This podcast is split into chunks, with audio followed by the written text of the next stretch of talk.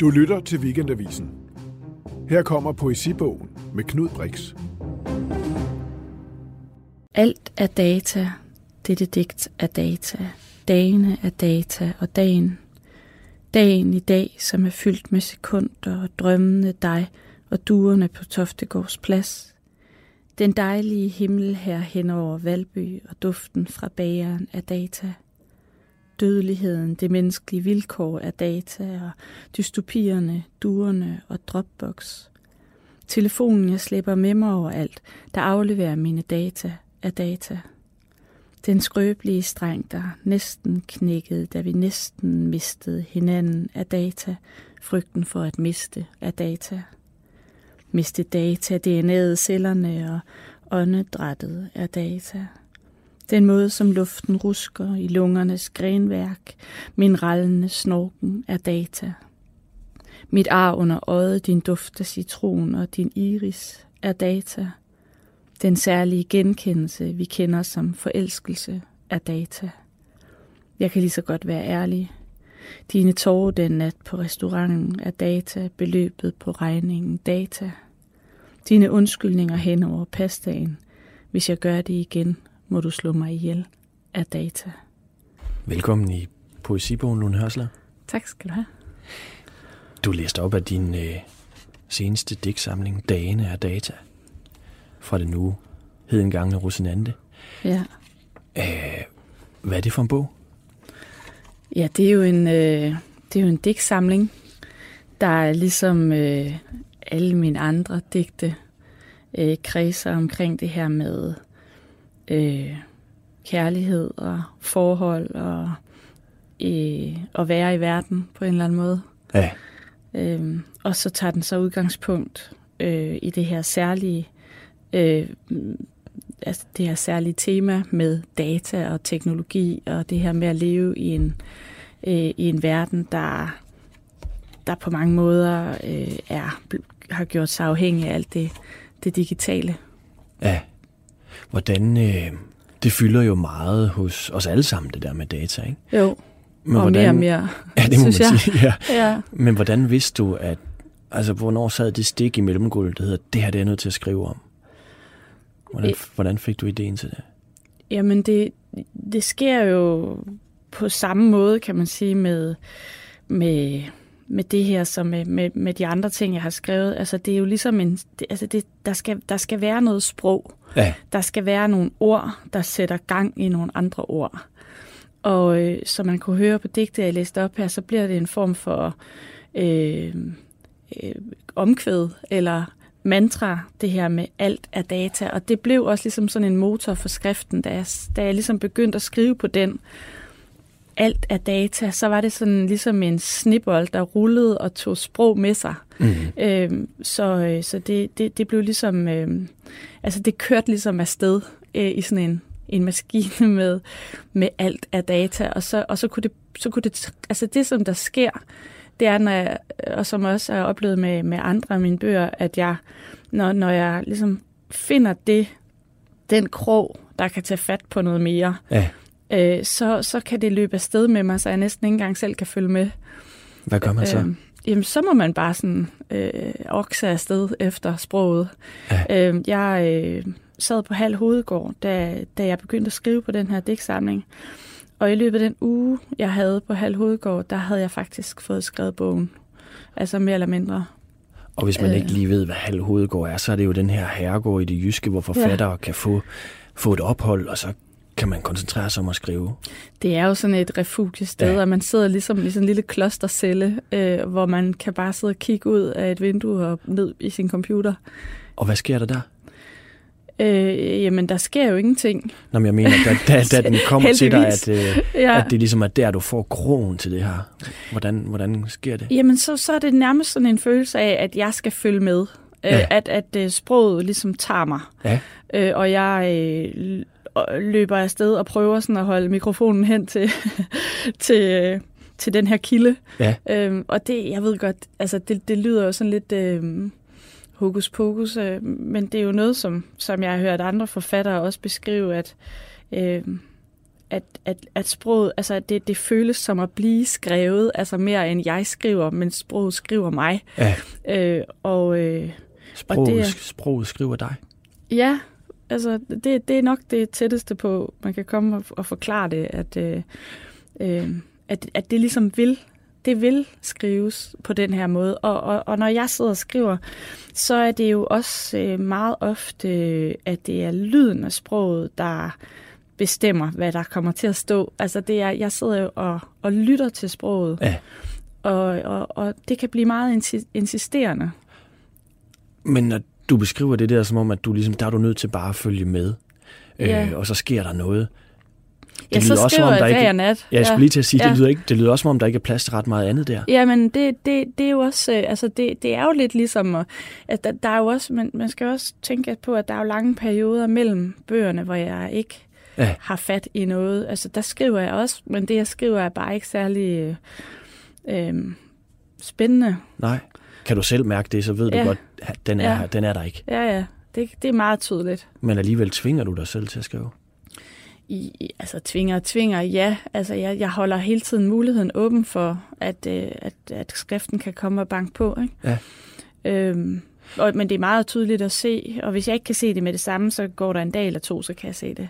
Og det er jo noget med, om der er energi, og om der er... Øhm, øh, om, om det ligesom vil noget. Og Mm. det er jo tit, øh, det hænger sammen med at være sådan oprigtigt interesseret i et eller andet. Det kan jo godt være meget diffus. Det behøver ikke at være, jeg er interesseret i global opvarmning, eller Nej. Jeg er interesseret i aktier, eller et eller andet. Men, men det kan jo godt være et lidt et diffus spørgsmål, og det her med data, kunne jeg mærke var noget, der fyldte ind i mig og interesserede mig, og noget, som bekymrer mig. Ja. Øhm, og det er jo ikke på den måde, at man stiller et spørgsmål, og så vil man gerne have et svar.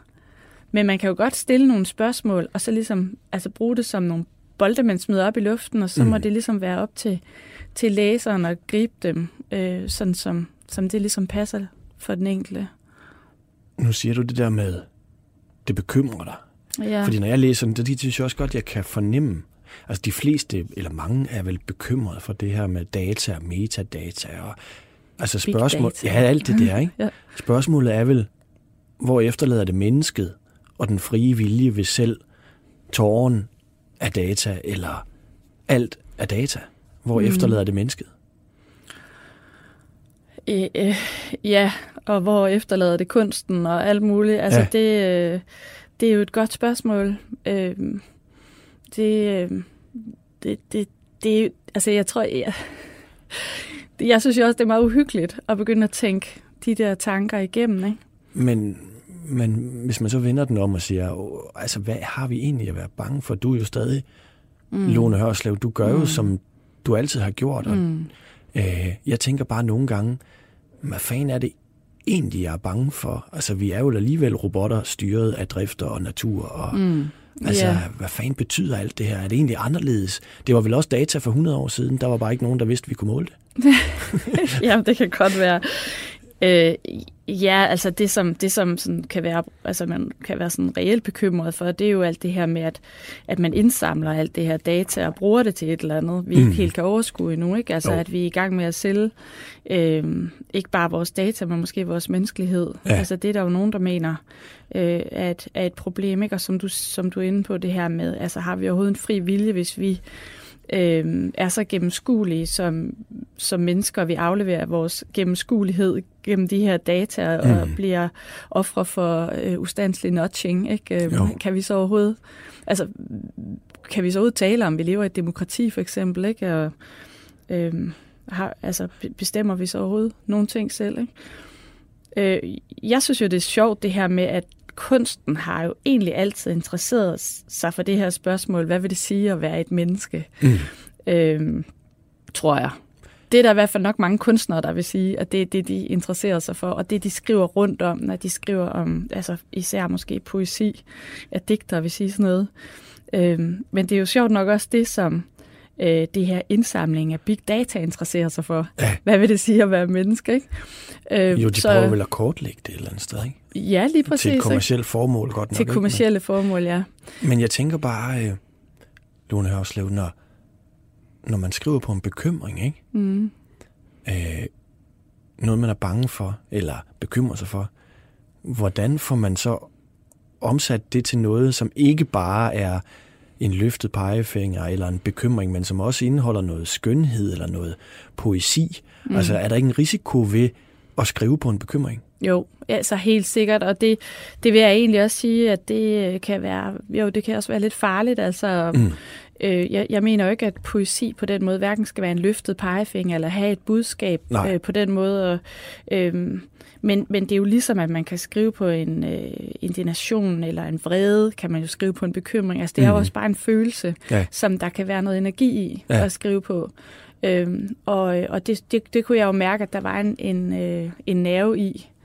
Øhm, og, og altså det, det, er også, altså det ligger også tæt op af en vrede og en øh, sådan indebrændt, øh, hvad fanden gør vi? Øhm, altså jeg tror, følelserne i bogen veksler sådan lidt mellem øh, øh, sådan, altså, det kan også bare være lige meget resignation. Ja. Og øh, hvad fanden skal vi gøre? Nu må vi gøre noget. Øh, det, det, det, ja. Ja. Jeg, jeg kommer jo ikke øh, og, og opfordrer til revolution eller et eller andet. Overhovedet ikke. Nej. Egentlig. Øh, det, det kan også være, at der er nogen, der synes, det er et problem. Jeg tror i virkeligheden, det jeg prøver at spørge dig om, det er, om der også er en risiko for, at dagene af data bliver sådan en meget tidstypisk mm. digtsamling, så vil man måske sidde om 40 år og sige, ja, altså det, det var den gang, man var meget bekymret for metadata. Mm. Så var der Lone Hørslev, hun skrev om her, og her kan I se eksempel på, hvordan man i, i, to, i, i 2019 eller 18 var, var bange for, altså øh, om du, er der en risiko for, at sådan en bog bliver øh, for mm, tidstypisk? Jamen, jeg er overhovedet ikke bange for at være tidstypisk. Nej. Og det, altså, hvis jeg skulle begynde at sidde og bekymre mig om det, altså, ja. det kan man jo slet ikke, man kan jo ikke, ej, ej, det, vil jeg, det gider jeg slet ikke øh, mm. tænke over. Altså, der, der er mange ting, jeg ikke gider tænke over. Det er da i hvert fald en af dem. Ja. Øhm, Men det er vel også noget med at sige... Og hvordan tingene ser ud i fremtiden, det ved vi jo intet om alligevel. Altså, øhm, Men du ved, der ja, var jeg en ved følelse. Godt, at, ja, ja, og jeg, øh, jeg forstår godt, hvad du mener. Altså, at nogen vil, nogen vil måske øh, holde fast i, at poesi skal være tidløst, ja, og noget, der gælder til alle tider. snært af det, ikke? Jo, og det, øh, det, det har jeg ikke så... Altså, jeg, jeg skriver om det, der er virkeligheden for mig nu. Jeg er her lige nu, og det her er det, som er min virkelighed nu. Øh, og det, det har jeg ikke... Altså, jeg synes, der er noget... Øh, øh, altså, der er også noget øh, jeg ved ikke, hvad man skal sige, snobbet eller øh, selvhøjtidligt ved at tro, at man kan hæve sig over det, ikke? Jo, jo meget. Men selve det at skrive digt, det er jo er også... At ja, eller det ved jeg ikke, men det er jo også, det er jo også at stille sig frem og sige, jeg har, jeg har noget at sige, ikke? Jo. Øh, og så må man jo, når man, er, når man først har taget det step, kan man, mm. må man vel også gøre, gøre, hvad man vil, ikke? Men, For at gøre sig selv udødelig. Ja. Altså, øhm, Nå, men jeg synes egentlig, det er meget modigt, at du godt ved, eller du sådan set er ligeglad med, at du, du har ligesom kun et valg, og det er, når den der ting viser sig, så skriver du. Og så er du sådan set pisse ligeglad med alt det andet. Øh, ja, altså nu beskrev jeg jo før, hvordan digtene ligesom kom, og jeg fulgte med og skrev dem. Øhm, ja. Der, der, der sætter jeg mig ikke ned og siger, hey, stop en gang. Er Nej. det her nu noget, vi gider læse om 100 år? Nej. Altså, det er jo ikke en, Nej, det er jo ikke en del af den proces overhovedet. Nej. Men det må så alligevel også være interessant for dig at kigge tilbage på de ting, du har skrevet, fordi der vil, er vel så også en ret... Du bruger dit liv meget. Mm. Altså det, det, det, kan, det må man jo sige. Mm. Og din hovedstol, jeg ved ikke, om det, mm. det, med, altså, om det er det rigtige ord her, men, men, øh, men dermed kan man vel også aflæse et eller andet sted, hvis man, man tapper ind den fornemmelse, jeg har haft, når jeg har læst dine bøger, at man måske kan aflæse, hvor du er i dit liv på en eller anden mm. måde, mm. i forhold til den bog, mm. du nu har skrevet på det givende tidspunkt. Og det er måske øh, bare lige det clue, vi skal have til at sige, at du selvfølgelig lytter til øh, poesibogen, og, og dagens gæst er Lone Hørslev. Og jeg kunne godt tænke mig at høre, øh, Lone, lidt om, hvordan... Øh, hvordan skriften kommer ind i dit liv. Altså, hvordan, bliver, hvordan mm. når du til, hvor du er i dag, hvor dagen er data, og mm. det er det, der fylder.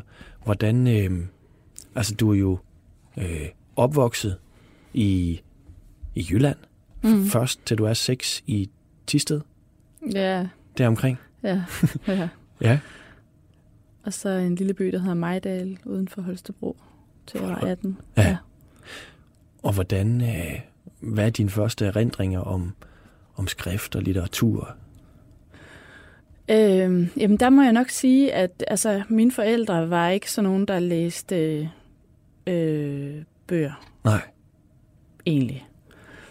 Nej, det, det vil jeg sige, det gjorde de ikke. Og så alligevel, fordi jeg altså, min mor havde jo Benny Andersen stående. Ja. Og det tror jeg, det er fordi, at hun er sådan en, der godt kan lide at hive digt frem, når hun holder tale. Hun, hun kan godt lide at holde taler, min mor. Mm. Øhm, så hun skal altid holde taler, og så har hun lige sådan et citat der, ikke, fra Et Benny lejlighedsdigt Ja. af Benny. Ja, og det, og det kan være sådan lidt... Øh, øh, ja, jeg ved ikke, jeg, jeg, vil nød, jeg, jeg håber ikke, at jeg bliver sådan en digter, der bliver brugt alt for meget til det. Nej. Øh, fordi det har jo sådan lidt øh, bonmot eller gajolpakke visdoms øh, snært over sig, ikke? Jo. At blive brugt til sådan noget der. Ja. Anyways, min mor havde altså Benny Andersen stående, og det tror jeg, jeg kiggede lidt i, fordi jeg spillede i et band, da jeg var lille.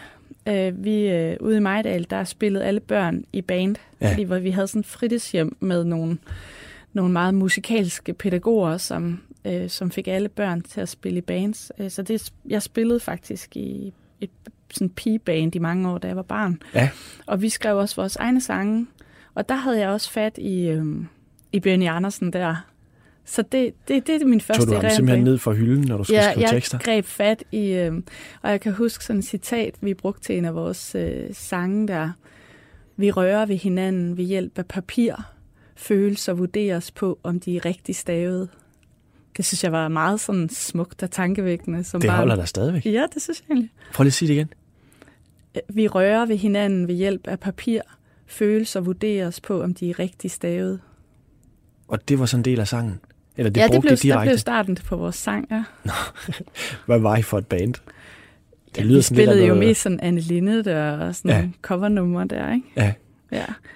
Så det er der, da du sådan selv skal til at formulere øh, eller skrive tekster til, til dit band. Hvad, mm. hed, hvad hed I?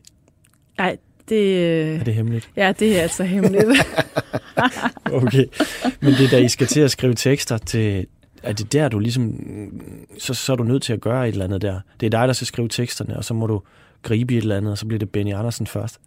ja, sådan har det nok været, ja. Ja. Øh, men jeg, ja, og det er bare fordi, nu spørger du ligesom ind til min tidligste erindring med, med, med sprog og poesi, og det er nok ligesom der, der, uden at jeg sådan vil sige det på den måde, et startskud Ja.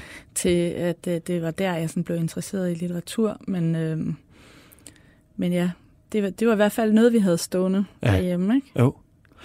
Og du, øh, du var jo også meget... Øh, altså, du var jo, kan man sige, som ung malede du, og var vel Ja, jeg tror, det var til mere at- det. Altså, min ja. mor, hun kunne godt lide at tage mig og min søster med ind på Holstebro Kunstmuseum. Ja. Øh, så det, det har nok, altså på den måde har der været kunst Ja, i mit liv, fordi vi, det husker jeg meget, at vi tog ind og så alle de der udstillinger. Øh, og det, det, kunne jeg, det synes jeg var rigtig fedt, og der kunne man få lov til at sidde med sådan en øh, øh, blok foran sig, og nogle farver, og sidde og tegne efter de Ja. der billeder der. Det, det har brugt enormt mange timer på at sidde derinde foran øh, billeder og de der øh, peruanske krukker og sidde og tegne dem. Så det var egentlig, øh, altså jeg, jeg, jeg, jeg tænkte faktisk, at jeg, jeg elskede at tegne og male, og var, det, var egentlig sådan, øh, tror nok, at jeg tænkte, at det var sådan noget den stil, jeg gerne ville, altså udtrykke mig Ja. øh, på den måde. jeg ved ikke, om, om det er en fordom, men jeg har sådan en... Altså Holstebro for mig er jo sådan et, et sted, hvor der er ret tæt på at gylde på markerne, og det er mm. Mm. landligt, og det er, det er sådan øh, ikke rigtig Vestjylland, men alligevel. Og så er der en eller anden fanden i voldsked i, man jo selvfølgelig har Giacomettien, der, Mm. der kan køre op, og der er Kunstmuseet, og der er vel Mm. også Odin Teateret, ikke? Jo, At der, selvom det er det her lidt klichéagtige landlige noget, så er der en eller anden form for connection med kunsten mm. derude. ja. Er det, er det helt skævt? Altså, det, det er jo i hvert fald sådan, som Holstebro gerne har ville se sig selv, Ja, altså som, som men kulturelt rigtigt så? centrum for, for Vestjylland. Ja. Ja, det, det synes jeg jo så, det var, øh, i og med, at, at jeg er en af dem, der var heldig at, at blive slæbt med ikke? Jo. Øh, ind på museet. Der, det, der, er, mere- der er mange mennesker, der ikke bruger de der ting. Ikke? Sådan vil det jo altid være. Ja.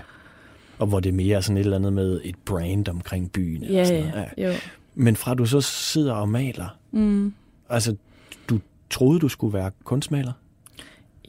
Jeg ved ikke om, altså jeg, jeg kendte jo ikke nogen, der var hverken kunstmaler eller forfatter eller Nej. sådan. Altså det, på- på den måde var det jo også sådan helt uden for min, øh, min verden. Ja. Øh, så jeg ved ikke, om jeg på den måde, jeg tror, jeg drømte nok lidt om det, eller forestillede mig, fordi det var ligesom det, jeg var bedst til. Ja.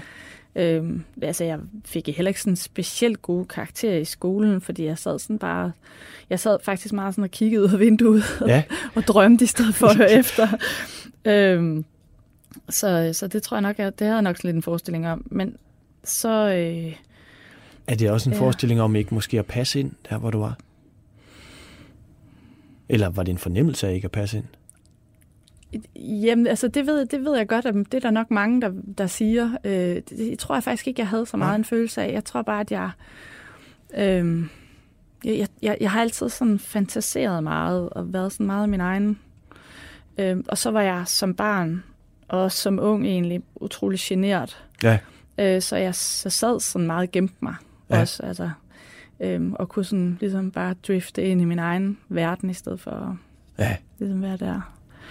Ja. Og hvordan er det så, øh, fra at du, så, du, du maler, du skriver dine tekster til bandet, altså hvor, hvordan, hvornår får litteraturen ligesom en krog i dit kød? Jamen, det er faktisk sjovt, ikke? Fordi jeg har sådan en oplevelse af, at da jeg så opdagede litteraturen, Ja, altså der, det var ligesom at sparke døren ind til sådan en parallel verden. Nå. Altså sådan var det virkelig. okay. Altså jeg synes, det var så vildt. Hvad var det, der skete? Jamen, det, det, der skete var, at jeg gik på universitetet. Jeg startede med at læse peruk, og ja. så, øhm, så var der en af dem, jeg var i gruppe med, som havde gået på Testrup Højskole, som øh, lagde sådan nogle flyers ud for sådan noget sommerhøjskole, og så tog jeg derhen, øhm, bare var sådan en uge på Testrup Højskole, hvor man ja. sidder og skriver i sommerferien. Ikke? Ja. Og der fik jeg så Christian Dorf som lærer der, og han introducerede mig for Per Højholdt. Ja, Og det synes jeg var virkelig, virkelig sjovt og fedt og sådan noget. Og så øh, gik jeg sådan videre fra Højhold til Beckett og til alt muligt, og, øh, og begyndte sådan at læse danske bøger. Øh, Kirsten Hammann læste jeg, og, og Helle Helle, og alle mulige ting, sådan, ja, hvad der sådan ligesom udkom der midt i 90'erne. Ikke? jo. Øh, og så var jeg bare sådan noget, wow, fuck, det her det er fedt. Ja. Hold nu kæft, tænk at, tænk at, tænk at man kan udtrykke sig sådan, tænk at verden kan være så stor. Ja. Øhm, det var, jeg synes, det var så vildt. Og, og det her sker, altså fra du, du læser vel litteratur på RUG, ikke? Eller Ja, det er sådan noget altså humanistisk basis, Humbas, ikke? Altså, ja. hvor man bare ligesom læser lidt af er det, så, er det en, når du, den her proces, du beskriver her, er det alt sammen noget, der sker på den uge på Testrup, eller er det sådan, Det satte der i hvert fald, begynder ja, det? det satte det sat gang i det. Ja. ja. Og hvad, Øhm, og, og jeg blev grådigt opslugt og ja. optaget af litteratur. Og så lagde jeg alt det der med at tegne og male fuldstændig væk. Ja. Altså jeg havde... fra en dag til den anden? Ja. nærmest? Og så, jamen det var også... Så fandt jeg ud af, at øh, det her, det var egentlig meget federe. Og, øh, Hvorfor var man, det det? Kunne du bare mærke, at det her er federe, end at tegne Jamen male? måske er der sådan noget med det der med at opdage noget selv. Jeg ved det ikke. Det er Nej. jo sådan lidt en efterrationalisering. Ja, ja. Ikke? Øh, Det er hele programmet jo. Det er en stor efterrationalisering. Ja, Så det må du gerne. Men måske er det det der med at finde noget selv, ligesom opdage noget selv. Ja. Altså indtage et land selv. Ja, i øhm, stedet for at få det stoppet ned i halsen. det, er ikke, og... det er ikke noget, mor har vist mig, det her. Nej. Øh, og, og det var heller ikke noget, der på den måde var let for mig. Nej. Altså, det var noget, jeg sådan skulle... Der skulle jeg finde min egen vej ind i det, og øhm, mærke min egen begejstring, og gå efter den. Ja, Og så, øhm, og så jeg havde sådan et, øh, et atelier øh, ude på Islands Brygge, hvor jeg skulle forestille at stå og male, og det gjorde jeg jo nemlig ikke så meget, nej. fordi at det er jo også lidt besværligt, ikke? Jo. Med, med lærred og farver og cykle hele vejen derud og sådan noget. Det der med at skrive, der skal man jo faktisk bare have en notesbog i sin taske, og så kan man jo gøre det alle steder, Ja. til alle tider, hele tiden, ikke? Jo. Øh, og det, øh, det fandt jeg ud af, det var et passet egentlig meget bedre for mig og mit temperament. At den kan man lige hive op af tasken. Og, og, så, og så besluttede jeg mig faktisk for at skrive hver dag, Ja. efter jeg kom hjem fra Testrup der. Øh, bare lidt hver dag og holde gang i det der skriveri. Og hvad var det, der kom ned på siderne? Jamen, det er jo det. Så kommer der jo alt muligt ned. Ja. Øh, Du skrev frit. Jeg skrev frit, ja. Øh, jeg, jeg, har, jeg har fortalt før den her anekdote med den gang, jeg mødte øh, Jens Jørgen Thorsen i S-toget. Nej, ikke i S-toget, i, i C3-toget. Jeg vil gerne høre den. Øh, men, men det er faktisk også noget, der kom til at betyde rigtig meget for mig, fordi det var den gang, at jeg, øh, jeg troede, jeg skulle tegne og male og ligesom gøre en karriere ud af det. Ja. Øh, og søgte ind på Kunstakademiet faktisk også. Øh, og jeg arbejdede jo som togstyrtesse i en periode der som studiejob, ikke? samtidig med at læse RUK. Og så, øh, så kom den her store maler ind i toget. Altså ham vidste vi jo, hvordan så ud. Han var jo en af de her kunstnere, vi havde set i fjernsynet, ikke? Jo. med leopardbukserne og sådan noget. Så jeg vidste jo, at han var kunstmaler. Øhm, og han satte sig ind, og der, der tog jeg ligesom mod til mig og gik hen og spurgte om, jeg måtte snakke lidt med ham, øh, da i toget. Et, et, I øvrigt, da vi sejlede over Storebælt. Ja. og, øh, og, så, og han var så sød, og så, han ville gerne snakke med togstyrdessen der, ikke? Og, og give god råd. Og så sagde jeg, at jeg tegnede og malede, og gerne ville være en stor maler. Ja. Øhm, og så gav han mig det råd. Han sagde til mig, ved du hvad, hvis du gerne, hvis du mener det der alvorligt med at tegne og male, så skal du gå hjem, og så skal du tage ud på det der atelier, og så skal du male et maleri hver dag den næste måned. Okay. Hver dag den næste måned, så laver du et maleri. Og når du så har gjort det i en måned, så har du 30 malerier. Ja. Så har du en produktion. Så kan du se, hvad du laver. For hvis du bare laver lidt her og lidt der, så kan du ikke se, hvad du laver. Men så har du en produktion, så du begynder at vælge noget fra, Ja. og så, så kan du se en retning i det. Og så, øh, så, så, begynder det at, så begynder det at tage en form for dig. Og, øh, og det var sådan, da, vi, da han stod af der i Odense, så stod jeg der og vinkede, og han gav sådan nogle fingerkys op til toaststyrdessen der, ikke? Ja. Man ser det for sig. Og, øh, og, så, og så tog jeg hjem, og så tog jeg lige præcis ikke ud og lavede det der maleri hver dag i en måned. Nej. Og det kunne jeg jo lynhurtigt se, men det, det bliver jo aldrig til en produktion, Lone. Vel? Det, det, det, det bliver jo ikke rigtigt til noget. Det, her, det får jo ikke nogen retning, når jeg ikke gider tage derud. Så derfor så besluttede jeg mig for, at nu vil jeg jo give, gøre forsøget med det her med at skrive i stedet for at skrive hver dag. Og når man skriver hver dag, og har gjort det en måned, så har man også en produktion. Altså, og så kan man se en retning i det. Ikke? Jo. Og det behøver måske ikke at være et digt hver dag. Man kan jo prøve at se, om man kan lave et digt hver dag. Og så synes jeg, det blev ret tydeligt, hvor det ville hen, Ja. egentlig. Uden at det sådan er...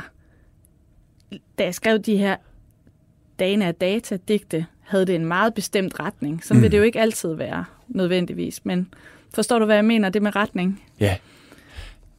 Øh, Og- og det er jo også noget med at finde sin egen stemme, ikke? Og, Og det er vel så også Stil. det, der ender med at blive til din, til din debut. Ja, øh, ja. som vi vender tilbage til til sidst. Men du nævnte det der med, Lone Hørslev, alt ligesom på en eller anden måde bliver plastisk i den der uge, hvor du er på Testrup, hvor du litteraturen åbner sig, og du har en eller anden fornemmelse af, at her sker der eddermame noget, der er spændende. Ikke? Jo. Og så nævner du øh, Højholdt, Ja, Per Højholdt, ja. og jeg ved, at det også er ham, du har, har taget med. Øh, og det er jeg jo egentlig glad for, for jeg tror faktisk ikke, vi har haft... Altså alle er jo inspireret af ham. Ej, det er også en overdrivelse, ikke? Men jeg tror ikke, der er nogen, der har taget ham med før. Hvad, hvad er det, du, øh, hvad er det, du har med? Altså nu har jeg bare taget nogle af de her praksisbøger med, og det kunne egentlig have været så meget. Ja. Da, øh, altså det, som Christian Dorf han anbefalede mig at læse, det jeg læste først der, det var egentlig den bog, der hedder Show. Ja.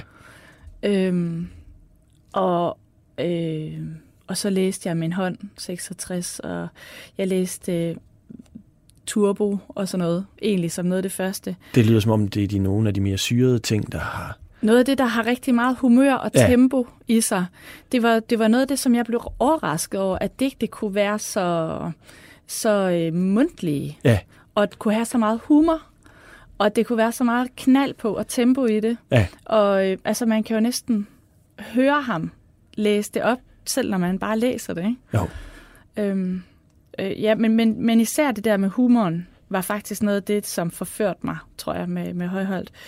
Og nu, altså det her digt, som jeg havde tænkt mig at, at læse højt her, er måske ikke sådan det, der altså har mest, øh, hverken mest humor eller tempo i sig, men det er et, som har betydet noget for mig, som egentlig også er øh, eksemplarisk i forhold til noget, som jeg synes er rigtig spændende med, med det, som han kan, det er at bringe det høje og det lave sammen, og det lette og det tunge, og det kulørte og det grå. Og, altså, Ja. Han kan virkelig arbejde med de der kontraster på en, på en fed måde, synes jeg. Skal jeg læse det op? Det er et digt, der hedder Personen slår til. Når man står og ser et af de nye lette persontog komme glidende godt op i farter med en slibende definitiv lyd, som når man skærer glas, kan man godt gribe sig undren over, at livet som sådan med dets sorg og camping er langt nok lige nøjagtigt. For eksempel nåede jeg i dag både at se en stor tusse ved indgang til Kvickly, og at forsone mig med, at jeg nok ikke får den at se igen. Ja, det er fandme... Øh, altså, der får han jo ligesom både øh, noget bevægelse og lyd og øh, altså øh, kvikli og en tusse og altså natur og øh, kultur og Ja. alt muligt blander sig jo her, ikke? Jo. Og så har, har jeg altid været vild med det der sov og camping. Så, ja. Sov og Du camping. har jo selv skrevet om, øh, om camping, ikke? Ja, altså, jeg har jo brugt det til titlen på min roman. Præcis. Øh, så jeg, jeg har jo skrevet en, en bog, der hedder Sov og camping. Som jo så er... Det, det er så et ikke? højholdt Ja. citat, ikke? Ja. Ja. Øhm, Men, men noget, der bare lige slår mig, det er, at Højholdt er jo ligesom notorisk kendt for det der med, at øh, det er plotløse, det behøver ikke handle om noget, det er sproget i sig selv, det er processen, det er, øh, det er de her ting, hvor, hvor, hvor dine ting jo tit, ej, det er jo også en generalisering, det er ikke, men, men så er der skilsmissedigte, så er det meget konkret, så er, der, Mm. så er der data, meget konkret. Altså, der på en eller anden måde, jeg godt se din Ja. inspiration til det er bare meget, Ja. meget langt fra det, du måske selv... Øh, ja. Men det behøver jo heller ikke. Og ens held behøver jo ikke være held. Forhåbentlig ikke en, man mimer, men det er som om, der bare i tankegangen, tilgangen til skriften, egentlig er ret langt til, til din egen tilgang. Eller hvad? Øh, i, mm, det ved jeg jo ikke. Nej, det nej. kan jeg ikke svare på. Nej. Jeg, har- jeg har jo desværre aldrig mødt ham. Øh, Jeg har faktisk engang talt med ham. ja, Nej, nu bliver det anekdotisk. Ikke? nej, men det jeg må var, du gerne. jeg, var, jeg var lige begyndt på Journalisthøjskolen, og jeg gad overhovedet ikke det der med journalistik. Jeg, vil, jeg synes allerede bare, at dengang at poesi var spændende. Ikke? Ja, Og så ringede jeg til ham fra min fars fastnet-telefon ud til Høj, Hørby Lunde. ja. Jeg ved, at man kunne bare slå ham op i telefonbogen. Og så, Hvor vildt nok. Ja, det var fandme vildt. Så var han stemme der lige pludselig, ikke? og jeg var min store held. Og, og øh, så skulle jeg lave sådan et eller andet med inspiration. Det er jo virkelig det samme, vi laver nu her, ikke? Men hvor kommer det inspiration? Han var lige færdig med den med ørerne. Hvad hedder den? Auricula. Ja, Og han sagde, jeg hviler ud. Og ja. han var så sød. Men det jeg bedst kan huske, det var, at jeg spurgte om sådan et eller andet med, jamen hvorfor? Og jeg blev med at spørge ham om, hvorfor, hvorfor? Og det der journalistiske spørgsmål, så sagde han til sidst, øh, jeg tror ikke, vi kender hinanden, men nu får du et personligt råd. Spørgsmålet er ikke, hvorfor? Spørgsmålet er, hvorfor ikke? og det har jeg bare tit tænkt på, det der. Altså han, han ligesom, jeg sad der og spurgte ham om alle ting, så sagde han, "Øhm, hvorfor dit, hvorfor det? Altså spørgsmålet er, hvorfor ikke? ja. Og det blev et redselsfuldt Ja. interview, Ja. men det var bare det der med, der var lige en, der var en stemme der, ikke? og så vendte han bare lige sådan på, en, på et sekund tingene på hovedet. Ikke? Ja, hvorfor ikke? ja. Jeg ved og, ikke. og, det, og det, det synes jeg egentlig også, han har ret i. Og, og det, øhm, det er jo rigtigt nok, at poesien skal jo ikke ville noget. Og Nej. du skal jo ikke komme og sige, at folk de skal læse digte og få et eller andet bestemt ud af det. Præcis. Øh, der er jo ikke sådan et, jeg har skrevet det her, fordi Nej. øh, forhåbentlig ikke. Nej. Øh, Og når man prøver at presse det ind, så passer det jo slet Ja. ikke, vel? øh, nej, altså det, det, det, det øh, jeg, jeg, jeg mener ikke, at, at poesi behøver skulle noget. Nej. Altså, og på den måde tror jeg, at jeg er meget med på hans vogn. Altså, jeg, jeg kan høre ham i de her ting. Jeg kan høre hans... Øh, jeg kan høre, hvordan han smager på ordene, lytter til ordene. Ja. Han, han, øh, han, han respekterer musikken i sproget og lytter til det, går med det, leger med det, danser med det, øh, forfører os andre med det. Altså, det, det er nok noget af det, som jeg øh, godt kan lide. Altså, jeg, jeg synes, der er meget krop i det Ja. øh, på den måde. Altså, det peger jo tilbage på en person, når man hører stemmen så tydeligt. Det, det kan jeg enormt godt lide, og han, han, han leger med alle mulige stemmer og roller og alt det der. Det, jeg- elsker det. Jeg er Ja. dybt fascineret af det. Og du siger øhm, også Øhm. det der med at det høje og det lave og det folkelige nærmest, ikke? Så Jo, man hører, det. Så man går ind på, på YouTube og ser Gitte, ja. Gittes monologer, ikke? Jamen, så han tænker man, gerne... han er jo bedre end langt de fleste Ja. stand-up-komikere, Ja. vi har i dag, ikke? Jo, lige Og præcis. samtidig så kan man høre poesien i det, ikke? Ja, ja, ja men, men det, det, det det der med, jeg synes, jeg synes heller ikke, der er noget galt med at ville tale til folk. Nej. Jeg synes heller ikke, der er noget galt med at ville forføre folk Nej. med poesi. Nej. Øhm, det, det, det kan, jeg kan godt lide, at han, han havde det der folkelige øh, over sig, samtidig med, at han var så dybt litterær. Ja, og avantgardistisk. Ja, Ja. øh, og, og det tror jeg, fordi han er så sjov. Ja. Altså folk, de, øh, folk, de elsker jo at, at grine, og man kan sagtens grine af poesi. Ja. Og det, det tror jeg faktisk var noget af det, som virkelig kom bag på mig, og noget af det, der gjorde, at jeg blev så... Øh, at, at det der med, at jeg siger, at det sparkede døren ind, det kom fuld... Altså, det tog røven på mig. Ja. Det der med, at poesi kunne være sjovt og give mening på det plan der. Altså, jeg, når jeg læser højholdt og gjorde det dengang, så sætter jeg mig ikke ned og øh, beslutter mig for, at jeg skal forstå det. Intellektualisere Nej. det. Nej.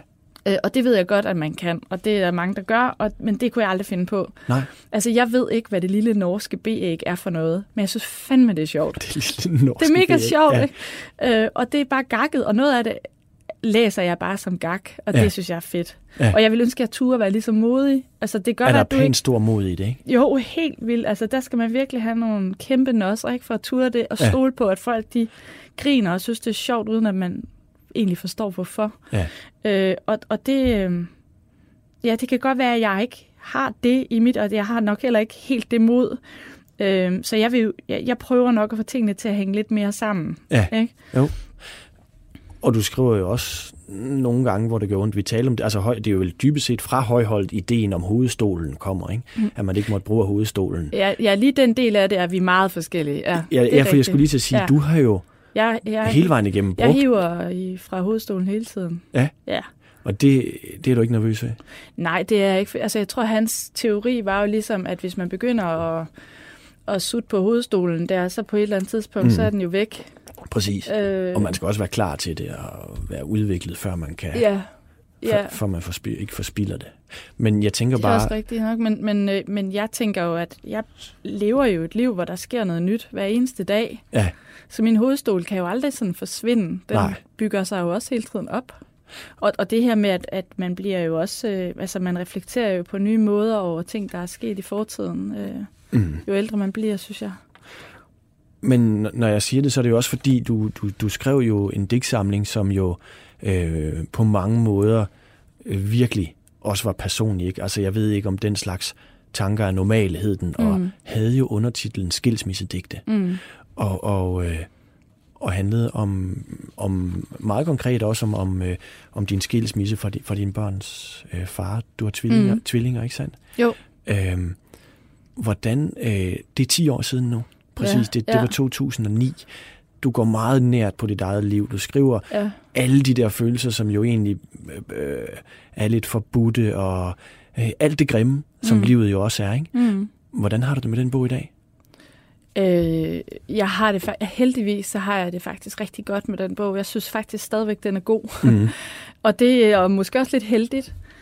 Det er jo sådan normalt på den måde, hvis man skriver en bog og udgiver den på et etableret forlag, Ja. så vil der være en vis produktionstid. Altså typisk vil der, altså det er jo ikke unormalt, at der kan gå et år fra man skriver et digt til det udkommer. Nej.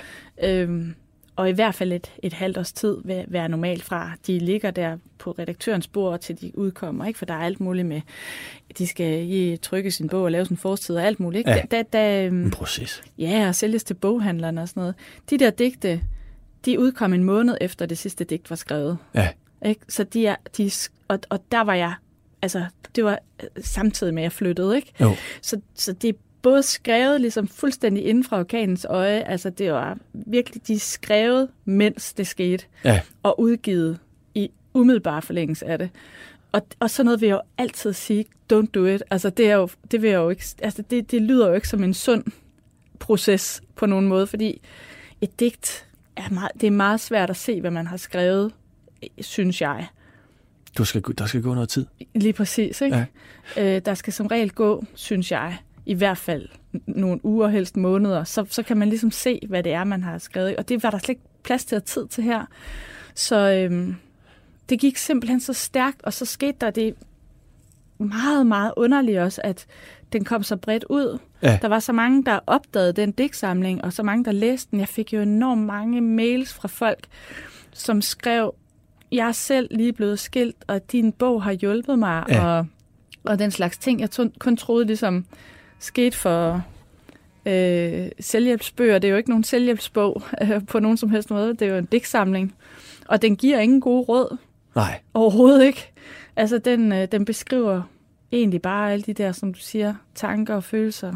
Øh, Men når du siger, du vil give rådet til andre, til andre digter, der måske ikke havde været igennem et eller andet, eller vil udgive noget sådan umiddelbart efter, at det et eller andet er sket, ja. hvorfor siger du, don't det er jo svært at, altså det, er, jo- det er jo svært at skille tingene ad, og jeg vil jo sige, at det er jo, det er jo vigtigt for mig, at det, jeg laver, er litteratur og ikke uh, terapi. Ikke? Ja. Øh, Jeg, øh, jeg, jeg vil sige, at ja, digte skal jo aldrig være terapi. Øh, og det var det jo tæt på at blive her. Ja. Øhm, I hvert fald, som man siger, de havde en vis terapeutisk effekt at skrive de her digte, ikke? Jo, det var jo nok lidt det, der fik mig igennem det, alt det der, ikke? fordi jeg ligesom havde skriften som sådan en form for mm, et sted, jeg kunne gå hen med alle mine tanker. Ikke? mm-hmm. Og, og det, det, den skraldespand skal poesi på en måde ikke være, nej. egentlig. Så øh, når jeg er glad for, at jeg synes, den holder i dag, så er det fordi, jeg faktisk synes, det lykkedes mig at lave noget, der var litterært trods alt. Ikke? Ja. Altså, Men noget, tror, der, altså, det er jo en, det har tro, trods alt været igennem den kunstneriske bearbejdelse, det skal igennem, så det holder som litteratur. Det synes jeg faktisk, det gør. men det er jo virkelig, virkelig, virkelig spændende det der, synes jeg, fordi mm. hvis du nu havde ventet et år, ja. eller to, ja. øh, alt støv, der er oppe i luften, er måske faldet mere på plads i sindet, eller hvad ved jeg, Mm. Så var det jo blevet en anden digtsamling. Ja. Spørgsmålet Ja. er, om der Ja. ikke... Nu siger du, det er et no-go, det der, men spørgsmålet er, om der ikke også fra... Hvorfor skulle der ikke kunne komme ægte poesi fra Mhm. mm. orkanens øje? Ja, lige præcis. Jamen, jeg synes nemlig også, det, det, det synes jeg også, du har ret i. Altså, jeg tror, faren er, at øh, hvis, hvis man skriver for meget på det, man lige tænker og føler og Eller oplever, vreden, eller... Ja, altså, ja. Så, øh, så kan det også nemt blive uvedkommende i virkeligheden, fordi Ja. så, er det, så handler det mere om øh, en eller anden personlig proces, der egentlig ikke kommer nogen ved, måske, ikke? Men, men hvad er så forskellen fra det, og til du sidder på halv hovedgård, og det hele begynder at røre sig i dig? Det er jo også noget, der en orkans øje, hvor du er Mhm. nødt til bare at følge med den der blæst, ikke? Jo. Øhm, det er jo også noget, der sker, men det er jo så måske noget, der har lejret sig i dig. Eller, altså, kan du se, hvad, forstår du, hvad jeg mener? Hvad, der skriver du lige oven i en skilsmisse. Mm. Her skriver du ovenpå nærmest en åbenbaring, der kommer til dig omkring data, du sidder der på hovedgården. Er det egentlig ikke det samme? Ja, altså det er jo heller ikke, øh, øh, der er jo også en kærlighedshistorie i øh, Dana og Data, Ja. så det er ikke kun, altså det, det er jo ligesom to spor, der vikler sig sammen. Altså alt det her med data og bekymring omkring øh, overvågningsteknologi og så videre, så, så er der jo også en kærlighedshistorie øh, med, med du, øh, øh, som jeg går lidt til og fra, ikke? Så det, det var Er også... det der, de to bøger det er måske i virkeligheden hænger sammen? At der er en skilsmisse i, i, i, i hvad hedder det, i, i den anden bog, og her er der en kærlighedshistorie? Jamen, jeg, jeg, jeg bruger egentlig altid... Øh, altså, det, det, er, det er også en stærk motor for mig med de her altså relationer, kærlighedsforholdet og, Og hvordan, øh, og de følelser, der er i det, og alt det tvivl og længsel. Og, ja, øh, og hvad med, hvad med det der med, at når du skriver så personligt, og mm. Alligevel gør det til almen gyldig litteratur, det må man jo sige, siden folk skriver til dig på den der måde, ja, ikke? jo. Øhm, hvad, hvad, hvad siger din nærmeste, din familie og sådan noget til, eller venner, eller at du bruger af, altså ja, det er jo ikke autofiktion, det er jo ikke det, vi taler mm. om, men, men altså, øh, hvad, vil, er, du, er du nervøs for det der, med at- hvad, hvad siger dine venner, eller, eller, eller, eller siger du, jeg er forfatter, jeg er ligeglad, jeg må godt det her.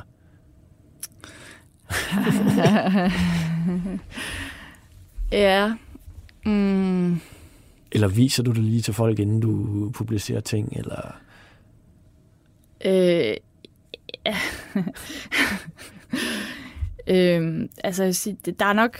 Altså, det, jeg, jeg vil, der, der er nok nogen, der mener, at de øh, er blevet kommet i klemmen. Ja. Måske, ja. Ja, Øh, ikke så meget i min digte. Det er, det er nok mere i prosaen, ikke? Hvor jo, Det er, det, ja, der, der er nok... Ja, hvis man er kærester med eller venner med en forfatter, så, øh, så tror jeg, man bliver nødt til at sige meget eksplicit, det der, jeg har fortalt dig der, det må du ikke skrive om, Mm. hvis det ikke skal bruges, fordi jeg bruger i hvert fald som forfatter alt, hvad jeg kommer i nærheden af. Og lige så snart det bliver litteratur, lige så snart jeg begynder at skrive på en historie, hvor der kommer en eller anden karakter med, eller skriver på et eller andet, så glemmer jeg, hvor jeg har det fra, hvor jeg har hørt det, hvem jeg skriver Ja. det på skuldrene af, eller om, eller omkring, eller så bliver det jo mit. Ja. Øh, og der har jeg faktisk været ude for flere gange, at folk har henvendt sig til mig, når bogen er udkommet, og sagt, ved du hvad, det der, det kunne fandme ikke være bekendt at skrive om mig. Så, gud, er det dig? det, det er det da ikke. Jo, det var noget, jeg fortalte dig. Nå, okay, det er jeg sgu ked af. Men, uh, Siger du undskyld så? Eller siger... ja, ja. ja, men altså, Og kan folk så... Altså, der er ved- også nogle gange, hvor jeg godt har ved, vidst, altså, jeg måske har... Altså, ja, hvor jeg sådan siger, ja, det må de skulle leve med. Ja. Det her, det, det er simpelthen for god en historie, eller det er... Det er jo også mit liv, ikke? Jeg Ja. har jo også været med til at opleve et eller andet, ikke? Det, eller hvad det kan være, så det, det, det bliver jeg nødt til at bruge.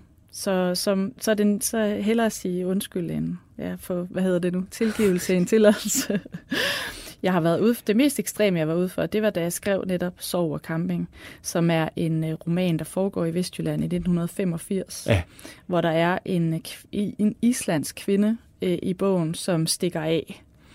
Uh, hun uh, tager bilen og kører sin vej, og hun er ligesom sådan en, Øh, hun er sådan en meget speciel karakter. Øh, hun er sådan lidt en, en fremmed i byen. Ved den der islandske kvinde med rødt hår og ring i næsen og sådan noget. Hun er ligesom flamboyant og anderledes. Ikke? Og en, som, som de fleste synes er for mærkelig, men vores hovedperson Marianne er sådan meget fascineret af hende. Mm. Så sådan beskriver jeg hende. Øh, og jeg var overvist om, at det var en karakter, jeg selv havde fundet på. Og så et par uger efter, at bogen den udkom, så fik jeg en mail fra hende. den her islandske kvinde skrev til mig. Så skrev hun, det er godt nok mærkeligt. Og så, jeg, har jeg har læst alle dine bøger, siden du begyndte at skrive. Min mand giver dem altid til mig. Øh, og så sidder jeg og læser den her bog, og så, og så ser jeg, at jeg selv er med. Øh, hun kendte mig, dengang jeg var barn. Jo, nu skrev jeg om 85, hvor jeg selv var 11 år. Ja. Øh, så der har jeg egentlig bare støvsuget min erindring for ting, jeg kunne huske, og sådan se- selv digtet videre på det. Ikke? Og hvor kendte du den islandske Jamen, kvinde hun fra? var så, øh, hendes mand arbejdede sammen med min far, Nå, og de kom i vores hjem, men jeg har faktisk kun været 8 år gammel dengang. wow. Ja, så var hun også sådan, hvordan kunne du beskrive mig så præcist, øh, fordi Men da du hun var jo kun henvender sig, kunne du barn. så huske, at det var hende, du Ja, havde brugt som forlag? Ja, fuldstændig. Nå, Ja, ja, så kom de til Gud, ja, det Var også hun vred? rigtigt. Nej, hun var meget beæret. Hun synes, hun synes bare, det var lidt vildt, at jeg som barn ligesom havde... Øh, altså, jeg havde så, selvfølgelig... Jeg var jo den, der var fascineret af hende. Ja. Ikke? At det var jo min sådan, forga- forgabelse i hende og hendes anderledeshed, ja. som jeg kan huske. Men Jo, jo, som, og det er jo så den gode oplevelse af Ja. en, der føler sig beæret over, fordi hun har stukket ud, og du er... Altså, Ja, ja. men, Hun synes, det var meget underligt at se sig selv i en roman. Øhm, på den måde der. Ja. okay, vildt nok. Ja. Og så, så Ja, Det var simpelthen, ja, det var, det var bare sådan, hun var sådan en, et minde fra min barndom. Jeg havde glemt, at det var et minde. Jeg troede, det var en, jeg selv havde fundet på. og der er rendringen jo vild, ikke? Jo, Hold da kæft, den har ligget Ja. og lagret dernede Ja. i lageret. Det har været data. det, det er det. Data i dig på en eller anden måde. Ja. Øh, Lone Hørslev, øh, vi øh, nærmer os jo desværre hastigt øh, det tidspunkt, hvor vi skal øh, tale om din debut, du skal læse op, og så er det jo slut. Ja. Men, men øh, vi, har noget, vi, har noget, vi har noget tid tilbage, og øh, jeg kunne egentlig godt tænke mig, at, hvis vi kunne nå at tale om det der med, øh, altså, øh, Dane af Data er jo en digtsamling. Du har jo skrevet mm. mange forskellige ting. Altså, mm. der er jo også, øh, der er jo også øh, den, jeg sidder med her, en, en ordentlig mundfuld, som er noveller. Du har lavet øh, romaner. Mm. Hvordan, når de der ting kommer til dig, nu har du noget, du skriver hver dag, men pludselig er der et eller andet. Hvordan ved du, om det her duer til en roman, en novelle, eller det her, det er digt? Altså, jeg synes i hvert fald, det er meget, altså, det er meget tydeligt, når det er et digt. Ja. For mig i hvert fald. Øh, men altså, romanen er også afhængig af sprog, som jeg siger, det der med, at der skal være en, et, et ord eller en sætning, der sætter en, altså snibbold, den, sprog, den sproglige øh, øh, snibbold i gang. Ikke? Jo. Et, en, et ord og en sætning, der trækker en sætning mere til sig, som trækker en sætning mere til sig. Sådan, ikke? Sådan, sådan er det også nødvendigt for mig at skrive prosa. Ja. Øhm, men når jeg skriver prosa, så vil, så vil det jo, altså, jeg, jeg, jeg tænker på det på den måde, at, øh, at det måske Øh, måske kan man sammenligne det med som en maler, der laver portrætter og selvportrætter. Mm. Øh, og, og sådan ved jeg godt, det ikke er for alle, og sådan er det heller ikke hele vejen igennem. Det er ikke sikkert, det er en sammenligning, der holder 100%. Jamen lad os prøve. Øh, men jeg tror godt, man kan sige, at jeg arbejder på et selvportræt, når jeg skriver digte. Okay. Altså, at det er ligesom for hver digtsamling et, et nyt selvportræt. Øh, et revideret selvportræt. Øh, jeg har også øh, i, øh, i min digtsamling Lige mig, der slutter med øh, et digt, der hedder Man kan ikke få en anden til at male sit selvportræt. Øh, det må man ligesom selv gøre, ikke? Jo. Øh, og, øh, og, og hvor romanerne måske mere portrætter, altså hvor jeg kigger ud på andre, øh, ser dem i øjnene og tænker, kan vide, hvad du går og foretager dig, når ja. du er alene, eller kan vide, hvad du snakker med din mor om, og sådan noget, ikke? Hvor, hvor det ligesom er et blik, der vendt lidt mere ud mod verden og andre mennesker, når det er prosa for mig. Hvad vil du bedst lide?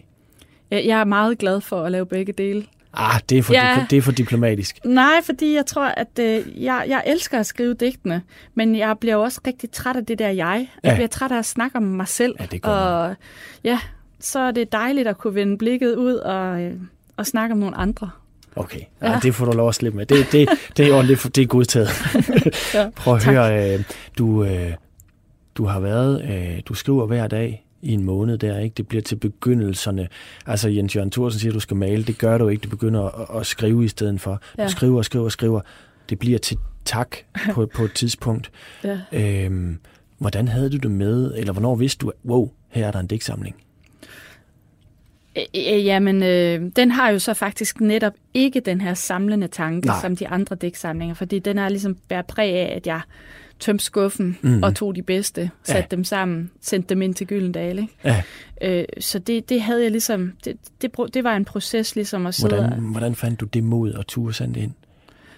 Ved du hvad, jeg havde hørt, at hvis, øh, hvis en digtsamling, altså kan et eller andet, hvis en bog, jeg sendte jo bare uopfordret ind til ja. Og så havde jeg hørt, øh, at hvis, øh, hvis de tror, at der er et eller andet i det, så kan man få måske en konsulentudtalelse. Altså det bliver sendt videre til en konsulent, der skriver et eller andet, og så har jeg noget at arbejde med. Ja. Fordi at jeg, øh, jeg kendte ingen, der skrev, og jeg havde ikke nogen at vise det til. Nej. så det, det var egentlig faktisk derfor, jeg sendte det ind, fordi jeg håbede at få sådan en. En konsulentudtalelse? Ja. Og så antog de den med det samme? Jamen, så gik der tre uger, og så ringede de fra Gyldendal og sagde, at de gerne ville udgive det. så jeg har aldrig fået det der konsulentudtalelse Hvad tænkte du, da de ringede? Jeg troede, det var, øh, jeg troede, det var nogen, der lavede fis med mig. Jeg ja. troede, det var... Ja, jeg troede, det var telefonfis, altså. Og hvad så, da det gik op for dig? Det var det ikke? Jamen, det skulle, jeg kunne slet ikke forstå det. det, det jeg troede simpelthen ikke på det. Men det, så, så jeg slog nummeret derop, og jeg kunne se, at det var et Gyldendal-nummer. Så, så begyndte jeg at tro på det. okay. ja. og, og når du siger det der med, den har jo sådan lidt... Øh, ah, undskyld mit ordvalg her, men der er jo noget, noget patchwork, som du selv siger, noget. Altså, man får ikke fornemmelsen, at der er ikke den der, som du siger, dagen er data, der er en, en idé, eller skilsmissedigtene, eller mm. øhm, det der med, altså, der, det er jo rigtigt nok, når man læser den, at men, men hvordan, ud over det, at den ikke har den der, at den har den der tingene fra skuffen, det kan jo være fint, mm. øh, men hvordan har du det med den i dag? Holder den? Og det, det synes jeg må være op til andre at afgøre faktisk. Altså, Jamen, jeg når, har du selv, ikke, når du selv læser det, hvordan har du det så med den? Jeg kan, jeg kan faktisk ikke rigtig huske, hvad pokker jeg har tænkt. Altså, Nej. der er i hvert fald mange af de her digte, hvor jeg tænker, kan vide, hvad fanden jeg har tænkt på der. Og det kan man jo så måske øh, selv vurdere derhjemme, hvad du har tænkt på, øh, Lone Hørslev, når du nu vil læse op af din øh, debut. Tak. Og øh, ja, så er det bare på sin plads at sige tusind tak, fordi du vil øh, komme i poesibogen. Så skal jeg jo finde et digt her. Ja. Jeg vågner med kaktus på tungen, så bliver dagen i dag nok tavs, tænker jeg, mens lyden af dit omrids bare stiger og stiger i styrke, besynderligt som jorden er blevet tung at gå på, og sneen er begyndt at trække mig ned med ørerne først. Tilfældige forbipasserende her ved kirken må samle mig op. Tak, visker jeg så og nikker, inden jeg falder igen.